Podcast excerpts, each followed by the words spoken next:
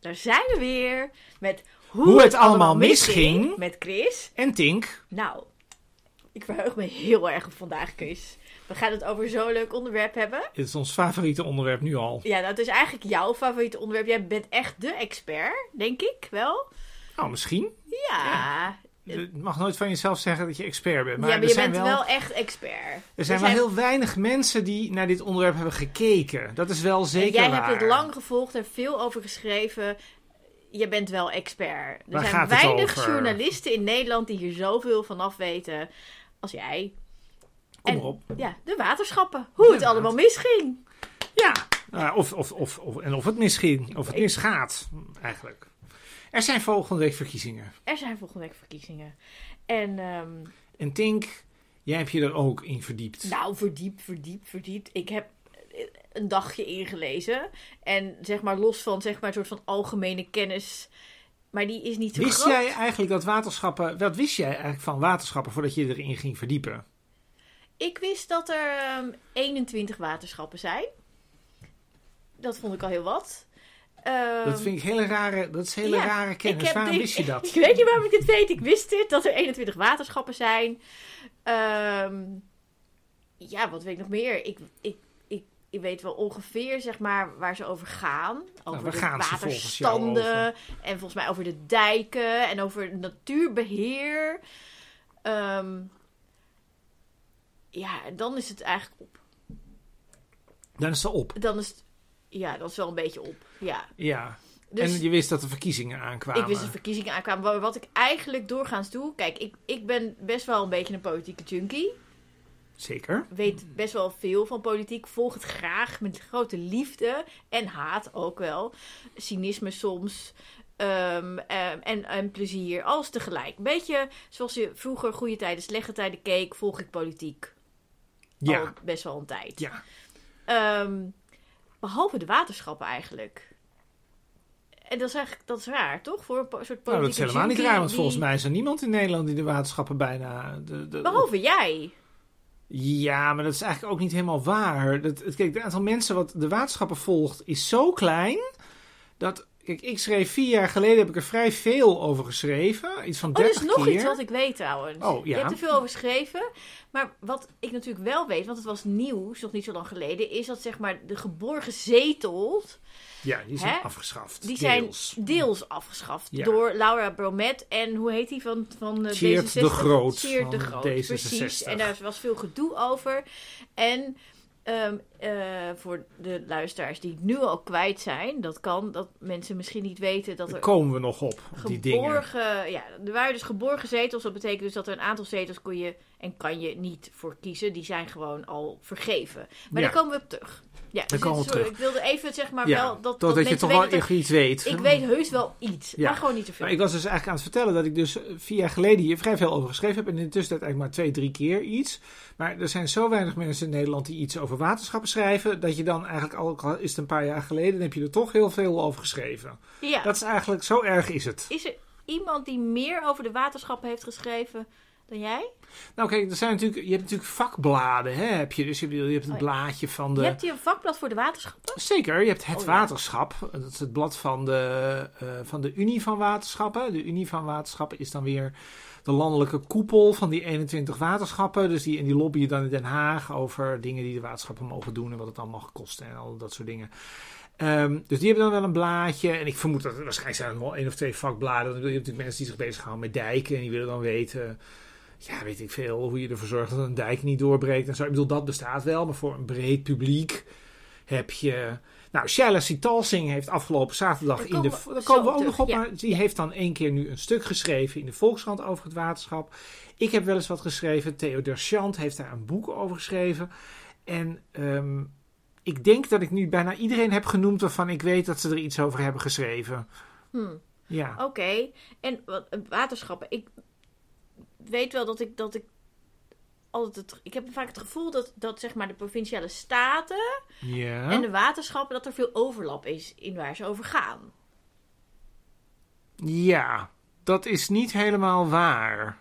Dat, dat, kijk, ja, dat- kijk, ze gaan allebei een beetje over ruimtelijke ordening. Hè? Ze gaan allebei over de omgeving en over natuur en over duurzaamheid zit er heel veel in. Dus er is wel wat overlap. Maar kijk, het begint natuurlijk al dat die waterschappen andere gebieden zijn. Dus ja, dat zijn klopt. er veel meer, ja. Oh ja, kijk, er waren natuurlijk ooit veel meer waterschappen. Hè? Vroeger had je, ja, Vaak wat is het? 200, 300, zoiets. Nee, je had er veel meer. Tijdens de watersnoodramp, daar een heel mooi boek over, over de democratie in de waterschappen uitkomen. De saai. 53. Nee, in de, in de tijd van, het, van de watersnoodramp in Zeeland, hè, die weten we allemaal nog wel, waren er alleen in Zeeland 300 waterschappen. Maar dat was in 1953. Ja, dat was in 53. En even voor de helderheid, als je dat dan vergelijkt met vandaag, vandaag is dat er één.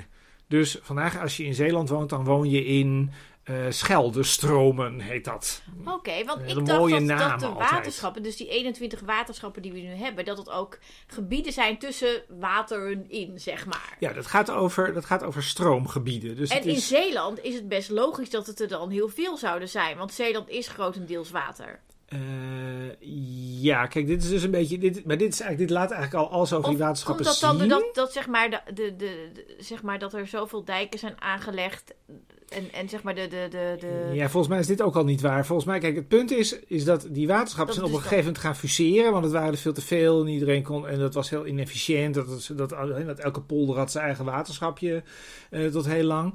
En toen, en nu, eh, kijk, volgens mij alleen techneuten begrijpen waarom precies die grenzen lopen waar ze lopen, zeg maar. Kijk, bijvoorbeeld eentje die heel duidelijk is, Mhm. is in Rotterdam, is de Maas is een grens. Dus als je boven de Maas woont, dan woon je in eh, Schieland en de Krimpende Waard.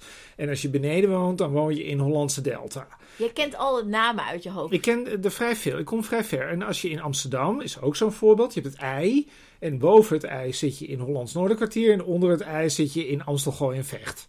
Oh ja. Dus dat, dus dat gaat over watergrenzen. En je hebt bijvoorbeeld het grote rivierengebied, hè, dus waar de Waal en de Maas en zo. Dat gaat van Nijmegen tot Dordrecht. Dat heet dan Rivierenland. Nou ja, de, de Scheldestromen in Zeeland, dat, dat heeft dan allemaal weer wat met de Schelde te maken, wat natuurlijk allemaal uit Antwerpen komt. Dus zo, dat, dat, er zit een soort waterkundige logica in. Maar als je mij nou zou gaan overhoren, ik vind het waarschijnlijk sowieso al veel te veel kennis Oh nee, ik vind het wel heel leuk. heel, ja, heel ja, veel ja, mensen. maar als je mij zou gaan vragen van ja, waarom is Mensen nou die het nu precies... saai vinden, dan moet je even een stukje vooruit spoelen. Of dan kun je het snel ja, luisteren. precies. Ja, dan en kun je dan, versneld luisteren. ja, dan wordt het straks Je leert wel heel veel Ja, hiervan. is wel Nee, verstandig om wel te wat luisteren. bijvoorbeeld heel interessant is, in Rotterdam heb je dus, als je dan boven de Maas woont, woon je dan in Schieland en Krimp en de Waard. En als je dan meer naar links op de kaart gaat, dus ga je meer naar Hoek van Holland toe, dan zit je in Delftland. Nou, ik moest daar een stuk over schrijven voor vers beton. Toen dacht ik, ja, waarom is nou, waar is de grens precies? En waarom zou die grens daar lopen? Dus ik heb Hollandse... Nee, ik heb eh Delftland daarover gemaild. Daar heeft de communicatieafdeling niet op gereageerd. Ik denk eerlijk gezegd dat ze het zelf ook niet wisten. Dus, ehm, dus dat is een beetje, het is een beetje van, ja, hoe zijn dan die fusies precies gegaan? Ehm, en soms is het heel logisch. sommige provincies, Limburg heeft een eigen waterschap, Zeeland. Maar bijvoorbeeld als je in Amsterdam of in Rotterdam woont, heb je al drie waterschappen in één gemeente. En ja, als je, als je mij vraagt waar Stichtse Rijnlanden ligt, ja, ik zou het echt werken, ja, ergens in Utrecht. Maar waar dat dan precies, eh, waar dan precies de grens ligt van de Stichtse Rijnlanden met, nou, ik weet eerlijk gezegd niet wat daar rechts van ligt. Dat, dat, ik zou het echt werkelijk niet weten. En dat zegt natuurlijk heel veel, want als je natuurlijk gewoon een burger bent en je houdt je hier niet mee bezig, ja, dan krijg je straks wel zo'n zo'n formulier en dan staat er, ja, gaat u even stemmen op het algemeen bestuur van uw waterschap. Daar heb je natuurlijk nog nooit van gehoord. Nee, de vraag is dan, moet je dan wel stemmen als je er nog nooit van hebt gehoord? Ik, Nou, dan gaan wel heel weinig mensen stemmen. nou Dus ik denk zelf, als je, als je echt geen idee hebt, dan beter hou je je stem voor je. Dan doe je het niet, want ja, Ja, dat, is maar, dat werkt denk ik alleen als iedereen eh, die het niet weet het niet doet. Zeg Ja, maar. Dan dat werkt zou wel dat. mijn ideaal zijn. Ja, Dus maar of zo je, werkt of je het niet. verdiept je erin, of je houdt je mond. Ja, maar de meeste mensen die zich er niet in verdiepen, die stemmen toch iets. Dus het is toch handiger om dan een beetje een keuze te maken waarvan je denkt, die kan ik nog enigszins vertrouwen. Dat Ja, is dan ja. logischer. Wat wel ingewikkeld is, want ik, ik nou, dat is ook even vooruitlopend op waar we het zo nog verder over gaan. Ik heb even zo'n kieswijzer gedaan ja, voor je hebt de mijn kieswijzer waterschap. gedaan. Ja. En de twee bovenste die eruit kwamen, dat was... Ga ik toch al vooruitlopen. Wat had ik nou bovenaan? Nou, wat is nou jouw voorkeur in het waterschap, Tinkerbell? Ja, oh wacht, ik heb nu alle vragen. Nu, even kijken, wat was het nou? Oh ja, de groene stond bovenaan. Nou, Oh. dat, op zich lijkt dat iets oké voor mij. En dan de tweede, met net zoveel procenten, of eentje minder. De Republikeinse Politieke Partij. Nou, dus ik even googelen wat het was, want ik weet dat dus dan niet. En toen zag ik tot mijn grote verbazing dat zeg maar nummer 1 bij de Groenen is Matthijs Pontier, die ik wel ken van de Piratenpartij. Maar Ja. ik wil niet Piratenpartij stemmen. En dan staat er ook in zeg maar het programma dat ze zich heel erg eh, inzetten op het gebied van ICT, cybersecurity, democratie, onzin. transparantie. En dan denk ik, ja, maar het zijn de waterschappen. Vind ik raar. Ehm, ja, maar dit is precies maar wat je nu en, zegt. maar nog erger, Oh. dus, dus, die, dus de partij die dan daarna kwam, dat was dan de Republikeinse Politieke Partij. Nu ben ik geen Republikein, maar los daarvan. Eh, toen ging ik even googlen. Nummer 1, dat is Delano Velter. En die is veroordeeld voor anti-homo-uitspraken en bedreigingen aan Geert Wilders. Ja, daar wil ik ook niet op stemmen. En hij is overigens de enige kandidaat. Dus ik, ja, mijn eerste advies zou zijn voor mensen die niet weten wat ze moeten stemmen. En dan op basis van die kieswijzer gaan besluiten. Google even, zeg maar, dan op wie je stemt ook. Want het kan best wel misgaan daar ook. Totdat je, ja, dus, dus dan. Volg niet zomaar die kieswijzer. Ja, maar dat moet je sowieso nooit. dat moet Nee, maar ik zeg het er nog even bij, want ik denk dat heel veel mensen, zeker bij de waterschappen, dat wel zullen doen. Er zijn ook allemaal vragen die je worden nee, gesteld het waar je niks het is over nog heel weet. anders. Het is veel simpeler. Mensen, mensen weten helemaal niet dat die Ja, tenzij ze naar ons geluisterd hebben natuurlijk. Maar eh, mensen weten niet dat die waterschapsverkiezingen zijn. En dan gaan ze stemmen voor de Provinciale Staten. En dan blijkt ze opeens blijkt er nog een formulier te zijn. Dat is natuurlijk wat er heel veel gebeurt. Ja, en dan, en dan kruis je maar wat ja, aan. Nou, maar wat natuurlijk wel, wat natuurlijk wel zo is. Kijk, Moet je dus niet doen. Nee, dat is niet, ben ik niet helemaal met je eens. Want kijk, je kan natuurlijk ook anders ernaar kijken. Je kan ook denken van, hè, nou, wij wonen dan allebei in Amstel, Gooi en Vecht. Voor de helderheid, dat is dus het waterschap van Amsterdam plus eh, het Gooi, zeg maar. Ehm, ja, dan, nou ja, wat, wat, wat, wat voor clubs staan daar op de, op de kandidatenlijst? Je kunt dan kiezen tussen de VVD, het CDA, ehm, de BBB doet mee, ehm, eh, de P van de A doet mee, 50 plus doet mee. Dus eh, ja, even, even, afgezien van, even afgezien van of dat nou heel Ja, veel... maar als je zeg maar normaal vinden. gesproken eh, VVD stemt. Dus je hebt landelijk heb je VVD Ja. gestemd. Je Ja. hebt in je gemeente VVD gestemd. Je denkt bij de provinciale staat, nou weet je, doe eens gek. Stem ook VVD. Doe VVD. Is het dan logisch dat je ook bij de waterschappen VVD stemt? Ja, ik denk het wel. Waarom? Ehm, omdat ik denk dat er een, een paar hele kleine eh, eh, verschillen zouden kunnen zijn tussen de VVD en andere partijen. Die maken dat je misschien beter bij de VVD past dan bij de rest. Oké. Maar ik vind bijvoorbeeld, maar het is niet helemaal waar. Want kijk, als je bijvoorbeeld 50 plus doet mee. Ja, dat is gewoon onzin. dat is gewoon. Nou, ik zit Even, wacht even- even, stop, stop. Ja. En eh, bijvoorbeeld P van de A. Ja, P van de A. Dat, Nou, dat, het heeft niks met sociaaldemocratie. Ik, ik, ik te ging dus maken. even googelen, zeg maar, in, in het waterschap, dus waar wij allebei in zitten. En, en eh, wie er allemaal in zaten. En helemaal onder aan de lijst, zeg maar, van op wie ik moest stemmen. Volgens die kieswijze staat BBB. Dus ik ging ook even kijken. Nou, oké, ik ben toch benieuwd, waar staat BBB dan voor? En wie staat er op die lijst? Ja, die staat er nou op. Nou, dat is Alexander Grassi. Ja, Nooit van gehoord. Jij wel? nee. Nee, goed. Dus dan ging ik hem even googlen en toen kwam ik op zijn LinkedIn en toen zag ik dat hij econoom is. Ehm, wat ik bijzonder vind bovenaan de lijst van BBB. En hij heeft een, een Engels profiel. Er staat: I'm an accomplished salesperson and solution-oriented manager that thrives in challenging, fast-paced environments.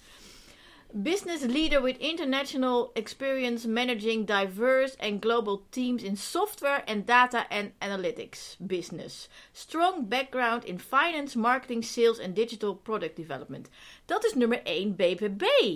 Ja, Maar dat is toch raar? Ik nee, denk dat is helemaal niet raar. BBB. Nee. Dat zijn de boeren. En dan krijg ik zeg maar. Een of andere manager in ICT-projecten. Dat is toch raar? Nee, dat is helemaal niet raar, want het is namelijk vertegenwoordigende democratie. Dus iedereen kan. Kijk, als jij nou. Jij bent Maar, maar Ja, als maar- jij, de- ja. ik denk dus, de meeste mensen die BBB stemmen, die stemmen BBB. Die denken, nou, dat is eh, daar. Dat is Ja, maar het gaat boeren. natuurlijk om wat zijn. Nee, want het gaat natuurlijk om wat zijn mening is. Het is vertegenwoordigende democratie. Dus iedereen die lid is van BBB zal wel een mailing hebben gehad van wilt u misschien verkiesbaar zijn voor het waterschap. En meneer Grassi die dacht, nou ik vind het wel interessant het waterschap. En toen, nou ja, hij was kennelijk het meest geschikt, want daarom staat hij op plek 1.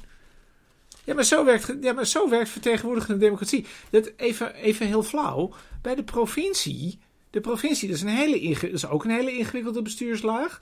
Het is natuurlijk niet zo dat die mensen die daar nou op die kandidatenlijsten staan, er zulke enorme experts zijn in wat de provincie Maar allemaal Caroline kan. belooft toch mensen die met hun poot in de klei staan?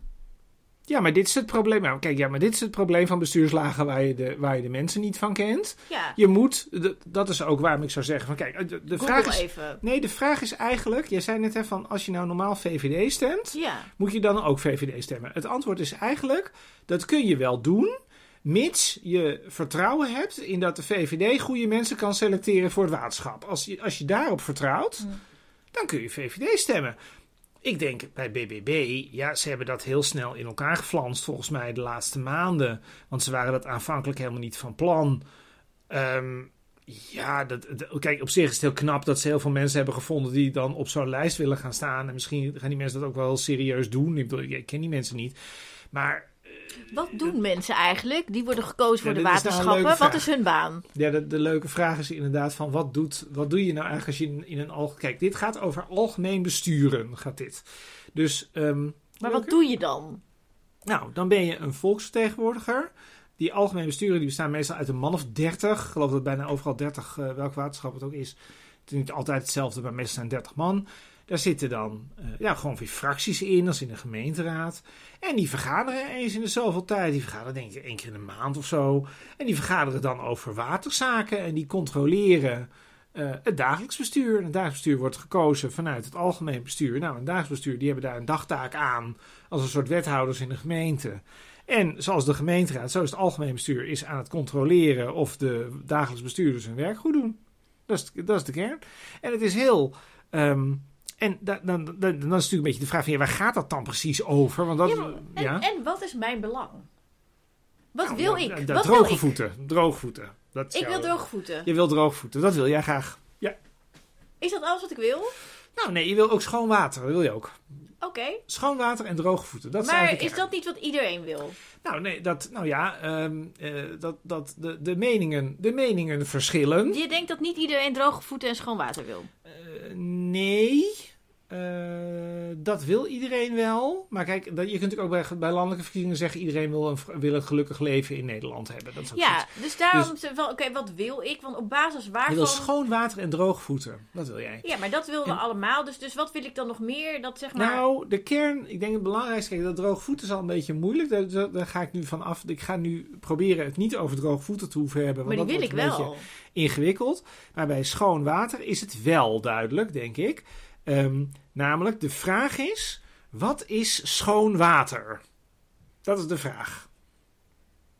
Zal ik nu de techniek uitleggen? Ik wil heel graag de techniek even uitleggen. Leg jij de techniek Jij van zit hier, jij water? gaat, op de, jij gaat naar de wc, je trekt de wc door, dat water blijft ergens. Dat water gaat dan naar het riool, dat is heel Ja. interessant. Het riool is van de gemeente. Ja. Dus dat is niet het Is waterschap. dat niet waternet in Amsterdam? Ja, dit is, nee, je maakt het nu nog erger. Oh, dit komt zo direct. Dit komt zo direct. Dan op een gegeven moment gaat het rioolwater gaat naar de waterzuivering. Mhm. En dan, daar zit dus een soort grens, zeg maar. En dan kom je in waterschapsland. Dus dan, dan, dan, die rioolzuivering, die zuivert dat water. Dat is nog van de gemeente. Nee, nu zijn we bij het waterschap aangekomen. Die zuivering is van de gemeente. Het is van het waterschap, niet meer van de gemeente. Het riool is van de gemeente en de zuivering is van het waterschap. Oké. Dan op een gegeven moment is het gezuiverd. En dan wordt dat gestort in het, wat ze, wat ze dan het oppervlaktewater noemen. Dus wij spreken de Amstel of het IJ of whatever. Allerlei plekken waar wij gewoon, wij bij wijze van spreken in de zomer in, kan, in zou kunnen zwemmen. En, dan, ehm, en dit heeft dus eigenlijk niks. Dus deze hele discussie heeft dus niks te maken met wat voor water je dan weer uit de kraan haalt. Want dat, ja, die waterleidingsbedrijven, dat zijn andere bedrijven. En die halen dan weer water uit oppervlaktewater. En die gaan dan weer meer, Verder nog meer zuiveren. verder zuiveren. En dan komt het pas weer uit de kraan. Dus nou is de vraag bij dat schone water, want dit was eigenlijk een soort uitstapje om iets te vertellen over het schone water. Dat, die, dat waterschap gaat dus over die waterzuivering. En nou is eigenlijk de vraag, hoe goed moet dat water gezuiverd worden voordat het, op, voordat het weer gestort kan worden in de sloten, de kanalen, et cetera. Ja. Nou, en nu komt het leuke, want ik wil graag ook heel graag even vertellen. Ik wil toch even laten zien dat ik hier dingen van weet. Je hebt dus ook, stel nou dat het heel hard gaat regenen en er komt heel veel water Op straat en zo, dan kan het riool het niet aan. Dus dan overstroomt het riool. En wat gebeurt er dan? Dan krijg je, dit is een heel vies praatje, dan krijg je overstort van het riool. Dus dan krijg je, Dan gaat de het, straat op. nou, nou ja, dan, dan- gaat eigenlijk het rioolwater direct het oppervlaktewater in zonder langs de zuivering te gaan. Daar komt het eigenlijk op neer. Ja. Dus dan, dan liggen jouw drollen in de Amstel, zeg maar. Dat Precies. is een beetje en dan wil je even niet zwemmen daar. Dan wil je even niet zwemmen. Daarom is de eh, Amsterdam City Swim ook wel eens niet doorgegaan. Dat dan het, eh, feitelijk gewoon al het rioolwater allemaal in die grachten. Ja, ja. Nou, ehm, dat laat zien, dit, dit voorbeeld van die overstort laat zien dat er verschillen zijn in hoe schoon dat water kan zijn. Dus eh, het is geen, de gracht is geen drinkwater. Dat is, het drinkwater is schoner. Ja, maar de gracht is wel zwemwater in Amsterdam. Ja, dus, dus de vraag is dus Dit wordt nu een heel van- Amsterdamse aflevering lijkt nou, het. dat maar, is, maar het is, het, is in alle, het is in alle delen van het land is het hetzelfde. Dus de vraag is, hoe goed moet dat gezuiverd worden? En dan krijg je bepaalde dingen worden wel gezuiverd en bepaalde dingen niet. Ik moet zeggen, je moet maar niet vragen wat ze er allemaal wel en niet uithalen. Maar wat je dan krijgt... is maar dat gaat het dan bijvoorbeeld over antibiotica? Nee, daar gaat het bijvoorbeeld niet Ja, daar gaat het wel over. Ehm, waar het bijvoorbeeld over gaat is bijvoorbeeld in dat rioolwater zit heel veel, zit heel veel papier van de wc-rollen. Ja, Dat kun je eruit halen. Nou, dat Ja. wordt volgens mij ook, dat wordt bijvoorbeeld uitgehaald. Dan kun je zelfs maar dat lijkt me nog best wel makkelijk om eruit Dat te zijn ook halen. makkelijke dingen. En nou is het hele punt natuurlijk dat de makkelijkste dingen worden eruit gehaald en de moeilijke dingen niet. En nou is eigenlijk de vraag, eh, er worden altijd twee voorbeelden genoemd. Moet je de microplastics eruit halen? En moet Kan je... dat überhaupt? Ja, dat, je schijnt er ontzettend veel uit te kunnen halen. Ik weet de techniek niet, maar het schijnt allemaal te kunnen. En, eh, dan, en dan komen bij jouw antibiotica uit. Maar moet je ook de medicijnresten die iedereen uitplast... moeten die ook uit dat water gehaald worden... voordat het dus weer in de sloot terecht Ja, want kan dan, komen. anders komt het bij dieren terecht. En dan Ja. komt het ook weer voor een deel bij mensen terecht. Ja, nou, dit is dus, maar dit is dus het hele punt. Wat je dus nu, waar gaan die verkiezingen nou over? Die gaan dus over de vraag hoe schoon moet dat water gezuiverd worden voordat het weer in kanalen en sloten, et cetera, terechtkomt. En eh, dan heb je partijen die wat groener zijn en die willen dan meer gezuiverd hebben. Dus die willen er meer troep uit dat water hebben voordat het teruggaat het wa- naar het oppervlaktewater. En je hebt partijen die zeggen, nou, wel, ik bedoel, die medicijnresten, dat is ons toch een beetje te duur, laat dat maar zitten. Maar dat is toch voor een deel ook gewoon wetenschappelijk? Op, hè, dat je, de, hè, dus voor een deel is wetenschappelijk Ja. gewoon aantoonbaar wat wel of niet schadelijk is voor mens en dier. Ja, maar we doen natuurlijk als mensen de hele tijd dingen die, die, die schadelijk zijn voor mensen en dier. Dus daar is dit ook maar één van de vele voorbeelden van. Ja. En het punt is, en dit is dus precies waarom die waterschapsverkiezingen vind ik dus heel problematisch zijn. ehm, meer zuiveren is duurder. Ja. Want het zijn meer handelingen die je doet. Dus dan krijg je wel schoner water eruit, maar dan heb je ook een hogere rekening. Nou, ga hier eh, met, met, die, met die algemeen bestuurders over praten die nu het waterschap in willen. En die dan tegen jou, ik neem aan dat als je de P van de A vraagt, of je vraagt water natuurlijk of iets anders, die vraag je van wil je, eh, wil je die medicijnresten eruit hebben? Dan zeggen ze waarschijnlijk allemaal ja. ja. Maar de vraag is dan, wat is de extra... eh, wat zijn de extra kosten Nou die ja, jij als ik- wat ik, individu... eh, ik wil even, mijn zin af, ik wil opviel- even mijn zin afmaken. Dan wil mijn, eh, dan, wat zijn dan de extra kosten die een huishouden krijgt? Dus wat is de re- hoe ga- veel gaat jouw rekening individueel omhoog? ja. Omdat zij opeens die medicijnresten eruit aan het, aan het filteren zijn. Nee, wat mij dat dus opviel in zeg maar die, die kieswijzer, is dat er inderdaad wordt gevraagd: ben je voor, wat staat hier? Nou, bijvoorbeeld waterschapsbelasting verhogen om extra te kunnen investeren in waterzuivering. Ben je het daarmee eens of oneens? Dat is een van die vragen. En dan, maar de vraag is natuurlijk niet: mag het verhoogd worden? Maar voor wie verhoog je dit? Want ik kan me voorstellen dat het best logisch is dat je zegt: Nou, als er ergens een grote fabriek staat die de boel heel erg eh, vies maakt, die moet meer waterschapsbelasting betalen dan, weet ik veel, iemand die gewoon af en toe naar de wc gaat en verder niet zo. Ja, je, je pakt nu precies een voorbeeld waarvan, waarvan ik het eigenlijk ook niet weet. Dat is wel interessant wat je zegt. Ehm, kijk, je hebt, de, je hebt de ingezetenen, dat zijn, dat zijn dan de burgers, hè, zeg maar. En die betalen allemaal een bepaalde hoeveelheid op basis van, hun, van, van de grootte van hun huishouden. Dat is waar het in Ja, nou, een van die vragen was ook, Ja. zeg maar, want nu betaal je per huishouden van, en moeten we dat veranderen? Moet dat per persoon zijn? Zou ik heel erg voor zijn? discussies Ja, precies. Nu ben je slecht uit als je alleen logisch. bent. Ik in mijn eentje ga minder naar de wc dan een gezin met vijf kinderen. Ja, dit is logisch, ja. Toch? Ja. Dit is precies het probleem, denk ik. Ehm, dit is wel een keuze.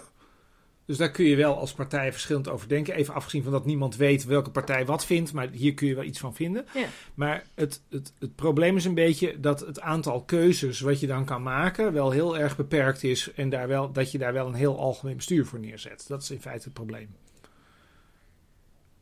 Je bent er stil van. Ja, omdat ik niet zo goed begrijp wat je zegt. Nou, je hebt, de, je hebt de, de vraag hoe, hoe schoon is het wa hoe schoon moet het water zijn? Ja. Je hebt, ehm, moeten de oevers van de, van de sloot natuur, eh, wat is het, natuurvriendelijk zijn? En dan heb je nog het waterpeil. En je hebt nog ehm, of, er, of er kwijtschelding moet zijn voor lage inkomens van die waterschapsbelasting. Precies, heb ik ook voorbij zien komen. Dus dat zijn, dat, zijn- zo, zo heb je iets van 10, 15 onderwerpen. Maar als je dat natuurlijk vergelijkt met een gemeente of met een provincie, ja, daar hebben ze duizenden onderwerpen. Dus Nou het aantal onderwerpen is gewoon heel erg beperkt. Kijk, de vraag is, je zit in Amstel, Gooi en Vecht. Hè? Noem even, Ja. Het maakt trouwens niet uit als je in een ander waterschap woont. De vraag is gewoon, ga eens naar een willekeurige andere gemeente in je eigen waterschap. Dus dat zou bij ons dan bijvoorbeeld Hilversum zijn. Ja, En heb je een buitenwijk van Hilversum. ja. Het laatste rijtje huizen. En daar, die kijken dan tegen een polder aan. Nou, de vraag is dan, wat moet het waterpeil zijn in die polder? ja. Vanuit ons perspectief. Dus we hebben het nu, we wonen niet in Hilversum. We weten niet welke plek Maar ik dit zou is. dan denken, op basis van wat ik heb gelezen, dat je wil dat het waterpeil eh, vrij hoog is, want het is goed voor de natuur.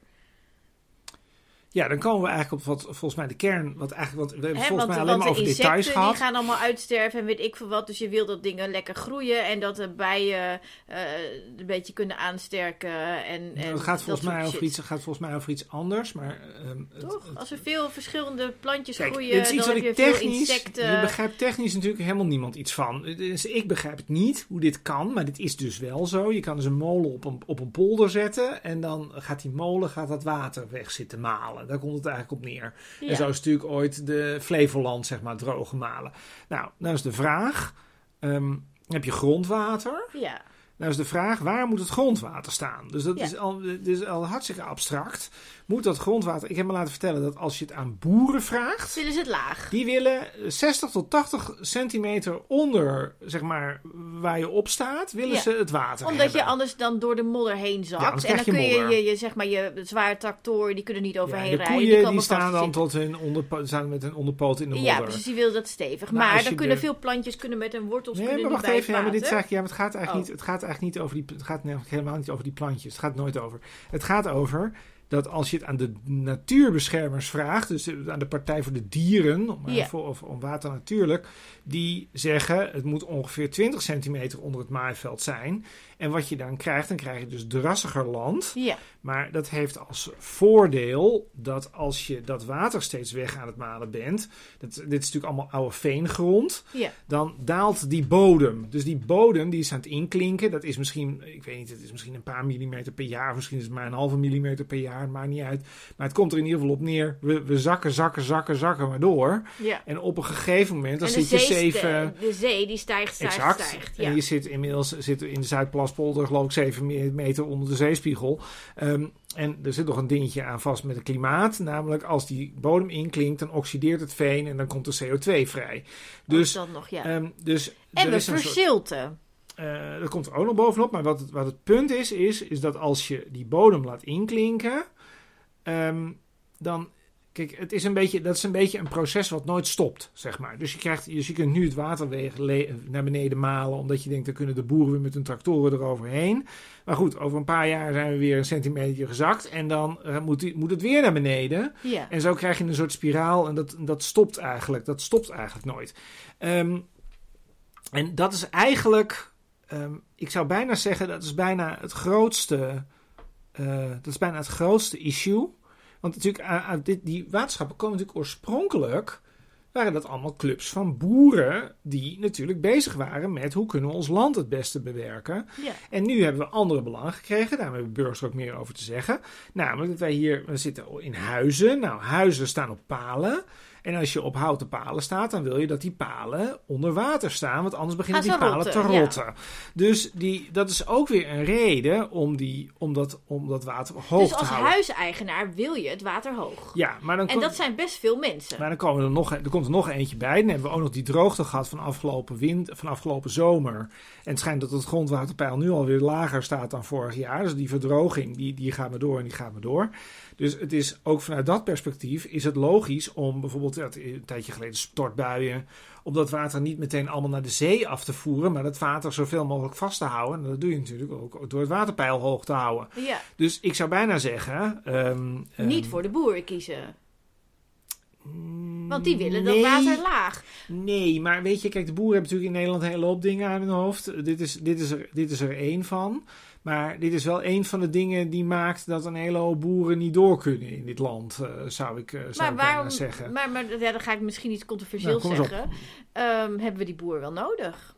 Nou, voor het eten wel, maar ehm, dat, Ja. ja, Hoe, hoe kom je daarbij? nou, we moeten wel eten. Ja, maar ehm, eh, even, ik ga nu echt... Oh. Ik ga nu, Oh jee, oh ja, jee, nu wordt ga het ik- toxic. Wordt het Ja, nou ja, kijk, ehm, want dan hebben we het natuurlijk voornamelijk over landbouw. Mhm. En eh, waarom is er in de wereld zoveel landbouw nodig? Ja, omdat het meeste wat, we, wat er wordt verbouwd, geven we aan dieren, zodat we veeteelt hebben. Dus als je minder dieren gaat eten, heb je minder landbouw Nou, nodig. dat maar even voor de helderheid. De Partij voor de Dieren heeft hier een hele, ik bedoel, eh, heeft daar een hele consistente visie op, zou ik zeggen. Want die zeggen volgens mij, je moet minder, die, dat zeggen ze niet zo, maar het komt toch neer op, je moet minder dieren eten. Heb je Ja. ook minder veevoer nodig, heb je minder landbouwgrond Precies, nodig, beter, het is allemaal ja. duurzamer. Ja. En dan kun je dus ook vaker dat waterpeil omhoog gooien. Dus Onder dat klopt allemaal. Dat is ook nog goed voor de bloemetjes en de bijtjes. goed. En goed voor de palen. En het is beter voor. Dus het is allemaal, dat is allemaal een heel logisch Ja, Ehm, geheel. Maar wat je natuurlijk ook hebt, maar, dat is, maar dan komen we eigenlijk weer bij waarom die waterschappen zo ingewikkeld zijn. Je hebt dan ook, ja, ik weet eigenlijk niet, het is een beetje, ook weer, er komt heel vaak dingen in dat ik niet precies weet hoe het zit. Ehm, ehm, je, wat, je, wat je ook kan doen, is je kan ook tegen boeren zeggen, je moet gewoon andere dingen gaan telen. Dus je moet niet meer Ja. die koeien, want die koeien die, die, die, hè, die, die zijn staan in de modder, ja, die zijn zwaar. Dus er is wel, maar de meeste koeien staan helemaal niet in de modder, die staan binnen. ja, maar, dat, dat, ja, maar dat, zo, zo goed is het grondwaterpeil niet eh, afgestemd. Dus dat, die staan dan in het tal waarschijnlijk ook in de, in de modder. Maar waar het om gaat is, je kunt natuurlijk tegen boe- boeren zeggen, dat is de, dat is de gematigde variant. Je hebt een Die ander mogen in de soort... stal volgens mij in je de modder. Want je hebt allemaal soort koe. wetgeving over mest. Dat Ja, in gaat het de- niet om? Je hebt een ander soort koe nodig. Oké. Dus is een koe die minder zwaar is. Dus dan kan het waterpeil weer Een omhoog. mini-koe. Maar je hebt ook nog een andere. En die is eigenlijk belangrijker. Je kunt ook zeggen, je moet eh, door koe? op akker... Ja, geen koe. Eh, je moet akkerbouw doen. En dan moet je door met natte teelten. Dus dat zijn eh, planten die kunnen groeien op die modderige... Op die modderige... Ja, Ja, we gaan rijst verbouwen. Nee, er worden er altijd twee genoemd en die vind ik altijd heel erg stomzinnig. Daar wil ik ze graag noemen. Eh, de eerste is de cranberry. Ehm, daar, is namelijk, daar heeft namelijk niemand, daar schijnt namelijk niemand behoefte aan te hebben. Weet trouwens, jij kijkt nu heel verbaasd. Nee, ik even te heel- denken dat het volgens mij alleen goed is voor als je een blaasontsteking hebt. Maar verder Kun je wel sap van maken. je... Maar er is nog een tweede en die vind ik helemaal stom. Want ik weet en niet hoe het eruit ziet en ik weet ook niet waar je het voor nodig hebt. Namelijk dat is de lisdodder. Wat is dat? Ja, dat weet ik dus niet. Dus dat is een beetje suf. Eh, ik, zou, ik zou bijna zeggen, eh, zoekt u thuis allemaal op even wat een lisdodder is. Er zijn namelijk mensen die dan eh, die tegen dat hoge water zijn. En die dan zeggen, aan lisdodders heb je helemaal niks. En dat kan ik me zo maar voorstellen, want wij eten dat in ieder geval niet als hoofdgerecht. Ja, maar er wordt natuurlijk ook heel vaak gezegd, dat staat ook ergens in die kieswijzer van, we- en dat zegt BBB bijvoorbeeld zelf ook, dat je dan op, op, op nieuwe technische ontwikkelingen en zo. En eh, ik moet nu denken aan een, een ontwikkeling in de landbouw en in de aardappelteelt. Wat ik toevallig weet, dat er ergens, volgens mij in Twente of zo, is een boer en die heeft een aardappelras ontwikkeld. En die eh, kan groeien in zilte grond. Nou ja, dit natuurlijk... Ziltebodem. En dat is Ja. heel, heel belangrijk, want zeg maar, het, eh, door de stijging van de zeespiegel wordt veel grondwater zilt, hè, dus zouter. Ehm, en Ja. de meeste planten, de meeste gewassen, die kunnen niet groeien in zoutwater of in ziltwater. Maar deze aardappelen wel. Kijk, en als je aardappelen kunt kweken die in ziltwater kunnen, dan lijkt me dat er best wel mogelijkheden zijn om allerlei gewassen te kweken die in een, eh, een grond groeien met hoog grondwater. Eh, dat zijn toch volgens mij twee verschillende discussies. Want volgens mij maakt het helemaal voor de verzil... Die verzilting is er sowieso. Ik begrijp dat er twee verschillende dingen zijn. Maar ik bedoel meer dat, dat we gewoon best wel veel kunnen in de ontwikkeling van nieuwe soorten gewassen of nieuwe varianten. En als dit het probleem zou zijn. Ja, maar de grap is eigenlijk, dat is eigenlijk het leuke of het, of het erge hieraan. We, we, we dwalen eigenlijk nu af van de waterschappen. Want de waterschappen Oh gaan... Nee, maar dit is de grap. Dit is op zich een hele terechte discussie. Ja. Maar daar gaan de waterschappen niet over. En dit is precies het hele probleem. Je kunt natuurlijk wel, je kunt wel zeggen van... ehm, we moet het grondwater moet wat hoger of het moet wat lager. Maar de vraag is natuurlijk ook of het waterschap zo ontzettend veel te willen heeft. En eh, hier wordt nooit over gepraat. Maar je kunt het met die palen in de stad kun je het het makkelijkste uitleggen.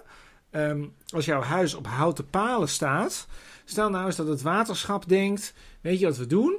We gaan het water eens wegmalen. Ja, dan rotten dus die palen en dan stort je huis in. Dat, dat, dat denk ik niet. Ik denk namelijk dat eh, voordat die Hoezo, dan palen. komt er lucht bij die palen en dan gaat het rotten. gaat- ja, maar ja, zo snel gaat het niet. Maar ik denk dat iedereen die een eigen huis heeft en erachter komt dat het waterschap die palen droog laat vallen, dat ze allemaal bij de rechter staan. Dat Ja. denk ik. Dus omdat ze dit niet willen. Precies, Dus- want dus dit is de consequentie uiteindelijk. Ja. heeft helemaal niks te willen. Dus wat je dan krijgt, en dit is ook zo'n voorbeeld waar ik ook de details niet van begrijp, maar want dat is, je komt de hele tijd in techniek terecht. Maar je bijvoorbeeld Gouda. Dat is eh, de binnenstad van Gouda, die ligt dus heel laag. En dan heb je dus of het waterpeil staat zo laag, het staat net te laag en dan zijn die palen aan het rotten. Of het staat net iets hoger en dan zijn die palen blij, maar dan loopt het water ongeveer bij iedereen naar binnen. Dat, dat gebeurt daar geloof ik Dus een de paar keer per juiste jaar. balans vinden is daar heel ingewikkeld. Maar, nu, maar dan moeten wij nu, als, als wij nou in Gouda zouden wonen, zouden wij dan een oordeel moeten hebben over hoe dat precies moet. En dan moet meneer Grassi van de Boer-Burgerbeweging, die eigenlijk ICT-manager is, die moet dan het, het bestuur van het waterschap, ik denk dat dat eh, Schieland is, maar dat weet ik niet helemaal zeker, die Rijnland zal het zijn, dat die dan, dat, die moet dan controleren Dat kan toch helemaal niet? Nee, maar dit is dus het grote probleem. En dat staat ook in dat prachtige boek eh, Waterschappen van Hans Volhout en Harmen Binnenma, wat pas is uitgekomen. ehm, waarin zij analyseren hoe die waterschappen werken. Dat natuurlijk een hele hoop van die mensen die op die lijsten staan, wat je eigenlijk zelf ook al zei door dat cv op te lezen, dat die natuurlijk heel vaak helemaal niet zo ontzettend veel verstand hebben van dat, van dat watermanagement. Want dat is natuurlijk waar dit eigenlijk op Wat neerkomt. zou de motivatie zijn van mensen om op die lijst te gaan staan? Is, het dat, is is dat gewoon politieke ambitie om dan daarna door te stromen naar de provinciale staten en dan ergens eh, wethouder, raadslid en dan naar Den Haag? Is dat zou een soort, soort onderste tree van een, van een trapje zijn in een politieke ambitie? Ik vraag het me, ik, ik, ik, vind, het lastig, ik vind het lastig, want, Want volgens is- mij werkt het, is- zo je niet. krijgt daar heel weinig geld voor, Ja, je krijgt heel ontzettend weinig, geld. Het heeft ontzettend weinig status. ehm, het is heel technisch. Het is, ik, ik zou ook bijna zeggen, het is heel erg vaak heel erg saai. Kijk, er zijn natuurlijk mensen die zich hiermee bezighouden. Hè? Ik denk dat als jij, noem maar even wat, ingenieur bent of zo, dan zou het best kunnen zijn dat het heel interessant is om je daarmee bezig te houden. Dat geloof ik. Precies, maar, de meeste mensen die op die lijsten staan zijn geen ingenieurs, zijn geen ja, experts eigenlijk op dit gebied. Ja, maar het is eigenlijk erger. Kijk, wat is een waterschap? Een waterschap is een ambtelijke organisatie met een heel groot kantoor. Er zitten een hele hoop ambtenaren. En die denken na over hoe dat met dat waterpeil moet en al die dingen. En met de, met de dijkversterking, al, die, al dat soort eh, zaken. En die hebben er verstand van. Want die zijn gewoon Zoals als ook baan... een ministerie een minister die heel als- vaak echt de ballen verstand heeft van daar waar het het ministerie. Dus over die- gaat. die- en dan die heeft hij dus ambtenaren, die weten, echt wel, die weten echt wel waar het over gaat. Want die zijn erop aangenomen. En als die kennis nog niet hadden als ze binnenkwamen, zijn en ze al wat is dan het nut van mensen kiezen in dat waterschap Nou, dat is als de het- ambtenaar feitelijk het werk doet? Nou, dan komen we nu bij de grote vraag. eh, dat, kijk, er zijn twee, ik zou bijna zeggen, er zijn twee journalisten in Nederland die hi- hier wel eens naar gekeken hebben. Ondergetekende en eh, Theo En Theo Derchant en ik hebben daar volgens mij dezelfde mening over. Al zal ik verder voor mezelf praten. Ehm, en dat is dat het niet duidelijk is wat de toegevoegde waarde van die besturen is. Dus er Ja. is geen volgens mij is er geen twist in Nederland over dat waterschappen nuttig werk doen. Want we willen schoon water en droge voeten. Volgens mij kunnen we het ook nog wel eens worden over dat er een klein beetje een soort richting gegeven moet worden van, hè, van hoe hoog moet het water staan. Nou ja, we en betalen er belasting over. Dus op zich is Ja, maar is een heel theoretisch, ja, maar is een heel theoretisch argument. Dat is natuurlijk ook wel waar. Hè? Dus we bepalen apart belasting voor de Dus waterschap. daar en wil je er iets daarom- over kunnen zeggen. Dus op een of andere manier moet het zeg maar gekoppeld zijn aan politiek. Ja, maar het klopt niet helemaal. Want kijk, wat je, wat, als je bijvoorbeeld, nou, neem bijvoorbeeld de Amsterdamse gemeenteraad. Of de gemeenteraad op een willekeurige plek in Nederland. Middelburg. We nemen Middelburg. Middelburg. Dan, dan wordt er een straat heringericht in Middelburg. Of dan komt er, is er een pand is afgebrand en dan moet daar iets nieuws komen. En dan wordt het bestemmingsplan aangepast. En dat zijn allemaal, er zitten allemaal partijen in zo'n gemeenteraad en die hebben daar dan verschillende opvattingen over. En ehm, die opvattingen die maken uit, want ehm, soms zijn dingen controversieel en dan zegt de gemeenteraad tegen het bestuur: dit willen wij absoluut niet hebben, wat je nu, wat je nu bedacht hebt. Ja. Dat gebeurt. Dat gebeurt op alle politieke niveaus. Nou, dat is precies de sturende werking die het in dat waterschap natuurlijk eigenlijk niet heeft. Dus ik bedoel, ja, er is wel een soort controle. Ja, ze, ze, ja, ze praten dan wel over hoe het dan met de waterstanden moet en hoe, hoe schoon het water moet zijn. Dat doen ze dan wel. Maar de vraag is natuurlijk uiteindelijk, het is natuurlijk uiteindelijk een technische, het is natuurlijk uiteindelijk een technische expertise. Dat jij kunt zeggen van, en nu doet Waar bestuurders de, op zitten die niet altijd die expertise Nou, ik, hebben. denk, ik, geloof, ik geloof best in die dagelijks bestuurders. Ik ben hartstikke genuanceerd. Ik denk dat die dagelijks bestuurders, die komen natuurlijk vaak niet binnen met die expertise. Maar die hebben daar wel een fulltime baan aan. Dus als jij de hele dag met dat watermanagement bezig bent, ja, in het begin eh, duizelt het je misschien ook. Is het is zeg maar een, een plek aan de, in de waterschappen, is dat een fulltime baan? Nee, dat is... Ja, het dagelijks bestuurder zijn is dat wel, of kan dat zijn.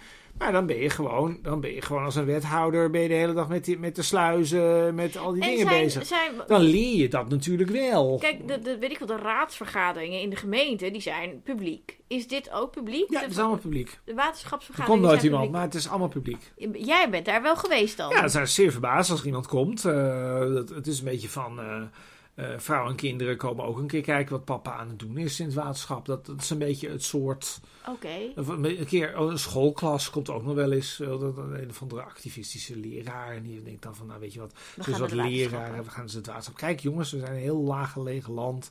Hier hebben wij waterschappen. Dat is een beetje het type. Maar ik bedoel, om nou te zeggen dat daar ooit.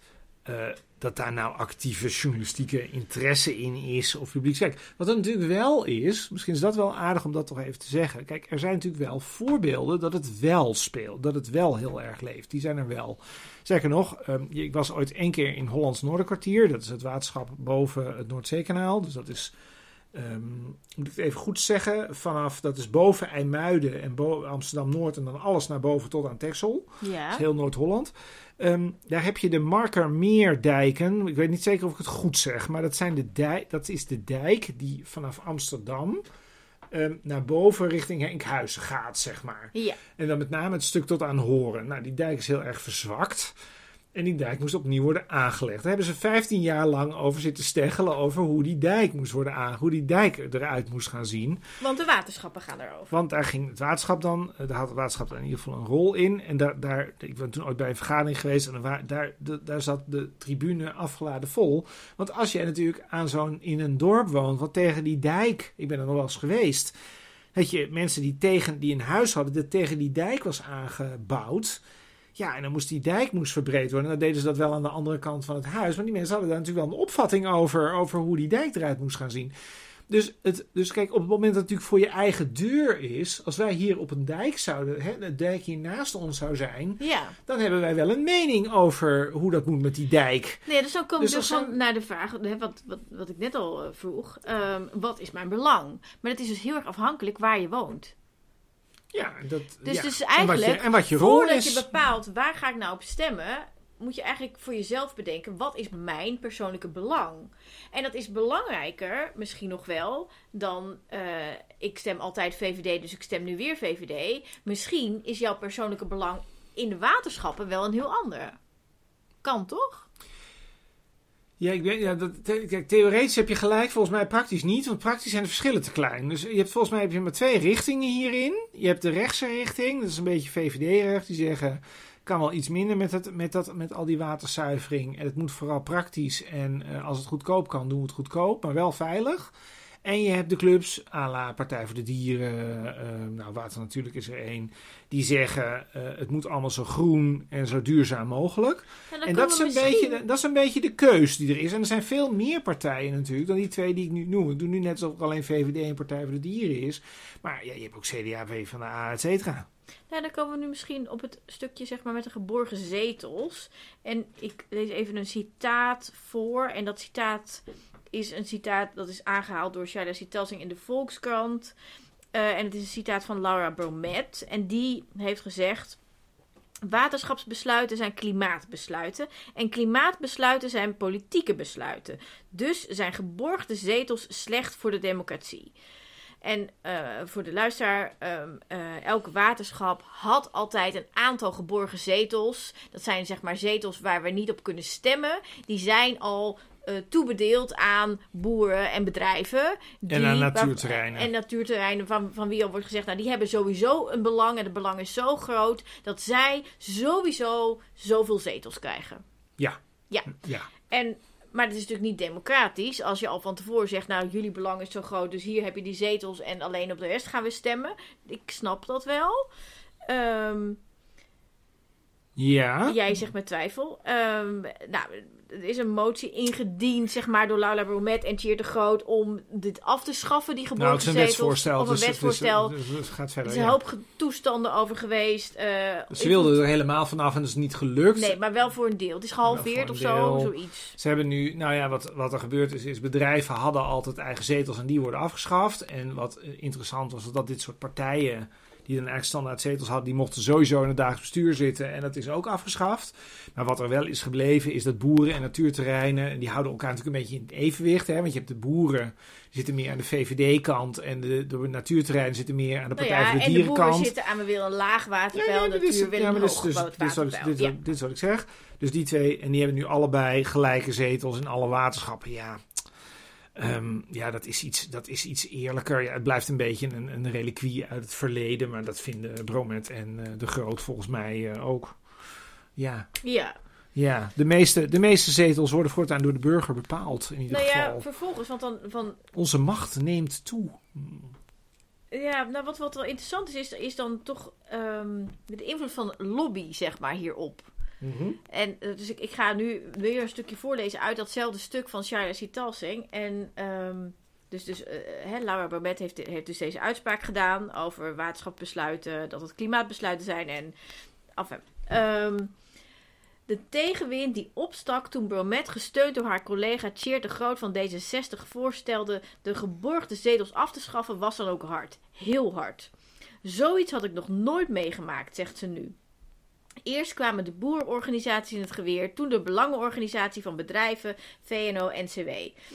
Een bombardement van protestbrieven en heel veel lobbykracht later werd afgelopen december, vlak voordat partijen hun definitieve kieslijsten voor de waterschapsverkiezingen moesten indienen, bij de kiesraad een compromis verankerd in de wet.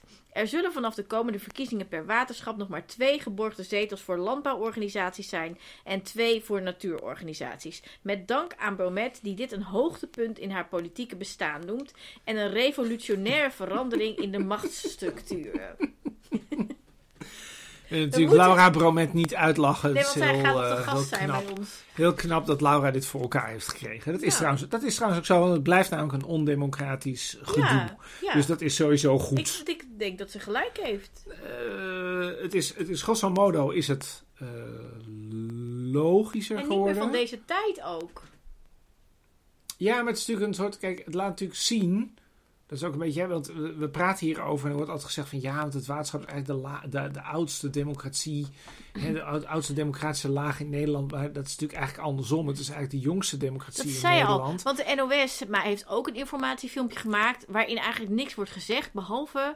Althans, dat is Heel het meest is. bijgebleven. Dit is de oudste vorm van Ja, democratie. dat is niet waar. in Dat Nederland. Hans Vollaert en Harmen Binnenma in het boek Waterschappen, Democratie in een onbekend bestuur eh, leggen dit ook uit. Kijk, die waterschappen bestaan al heel lang. Dus als je in Schieland woont, eh, Schieland is eh, opgericht in 1273. Dat bestaat al heel lang. Maar dat waren toen gewoon belangenclubs van boeren. En daar hadden gewone burgers helemaal niks te zoeken. Terwijl wat er natuurlijk is gebeurd, is dat we natuurlijk van een agrarische samenleving naar, nou ja, wat we nu zijn, zijn geworden. Dus zijn, burgers zijn natuurlijk ook belangrijker geworden, zijn ook met veel meer. En daarom is die, die, die, die invloed van burgers is steeds groter geworden. Maar tot, nou ja, ik zal het even, ik heb dit trouwens opgeschreven, dus ik wil het toch graag even zoeken. Hier, de ingezetenen staan pas sinds 1992 in de wet, hè? Dus dat is 30 jaar, dat is 30 jaar geleden dat wij als belanghebbenden in het waterschap worden genoemd. Ja, daarvoor bedisselden die boeren dat en zo. Ehm, Dus eerst had de burger er sowieso niks over te zeggen. Ja, daarom of zijn is een boer is ook een burger ja, natuurlijk. daarom zijn maar die waterschappen natuurlijk ook een beetje gek. Want kijk, er zijn ontzettend veel dingen veranderd. Hè? Eerst, had je, eerst was het allemaal belangengedoe. Toen werd het een poststemming. Toen hadden we nog, toen, toen later werden de politieke partijen inge, ingesteld. Daarna is het nu, sinds de vorige keer, is het gelijktijdig met de provinciale statenverkiezingen. Dus een hele hoop mensen, dat een hele hoop mensen onwennig tegenover die verkiezingen staan, is natuurlijk helemaal niet zo gek. Want ik bedoel, zo in de jaren 60 had je geen waterschapsverkiezingen op de manier zoals we die nu hebben. Ik, moet, eh, ik, ik wil graag ehm, Ja, nog een stukje voorlezen. En dat gaat over jou. Ook uit hetzelfde stuk van Shaila. Dus heel veel, zeg maar, nu, vandaag voor, over Shaila. Maar goed, als er zo weinig over de waterschappen wordt dan geschreven, Sheila dan... nu al, in ieder geval staat, Sheila staat sowieso de top 3 van waterschapsexperts van Nederland. Ja, ja, dus heel, ja precies. Ehm, Chris Albert, jij dus, een journalist die zich als een van de weinigen een tijd lang verdiepte in de waterschapspolitiek, vindt dat de verkiezingen net zo goed kunnen worden afgeschaft. Omdat veel watervraagstukken volgens hem technisch zijn en omdat de meeste partijen toch allemaal voor goed waterbeheer zijn en voor toekomstbestendig beleid.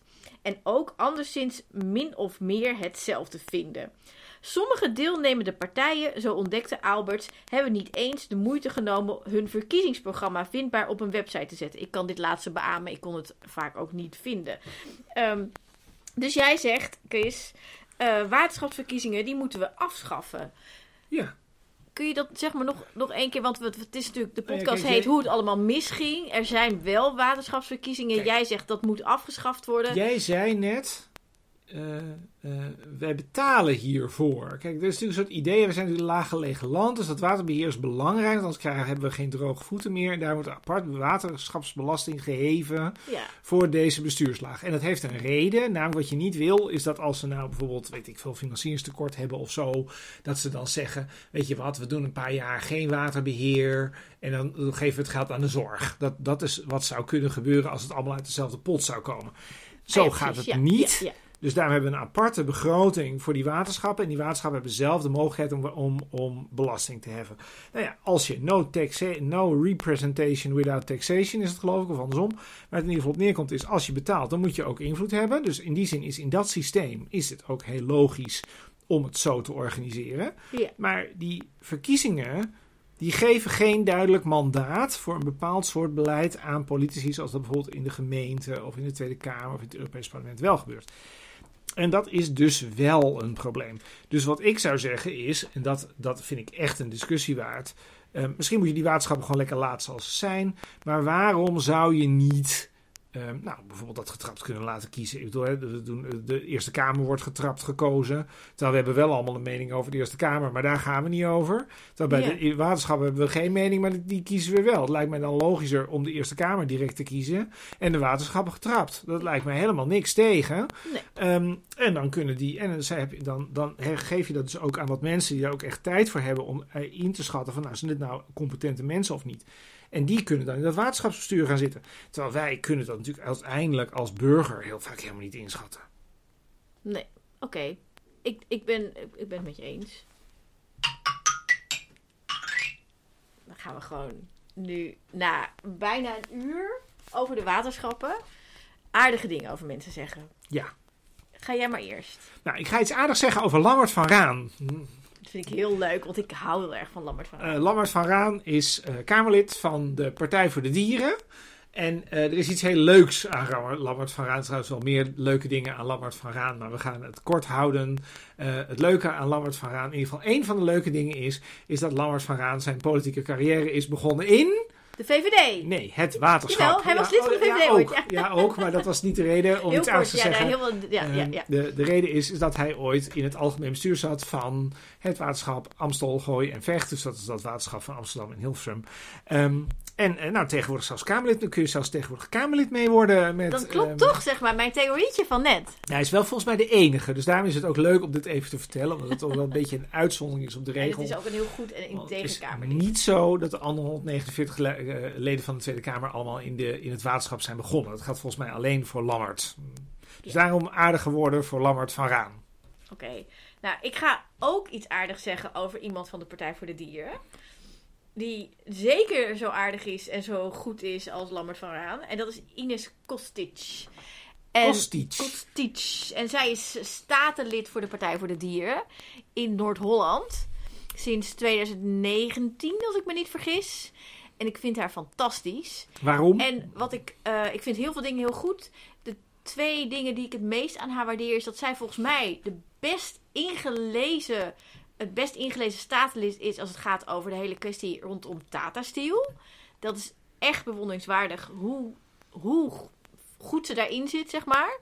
Eh, en wat ik ten tweede echt heel erg waardeer aan haar en wat ik heel leuk vind, is dat ik geen enkel politicus of politica ken of zou kunnen noemen die zo actief nieuwe politici werft. Dus op het moment dat iemand zeg maar zich, zich uh, geëngageerd toont, dan het eerste wat zij zegt, kom ook in de politiek.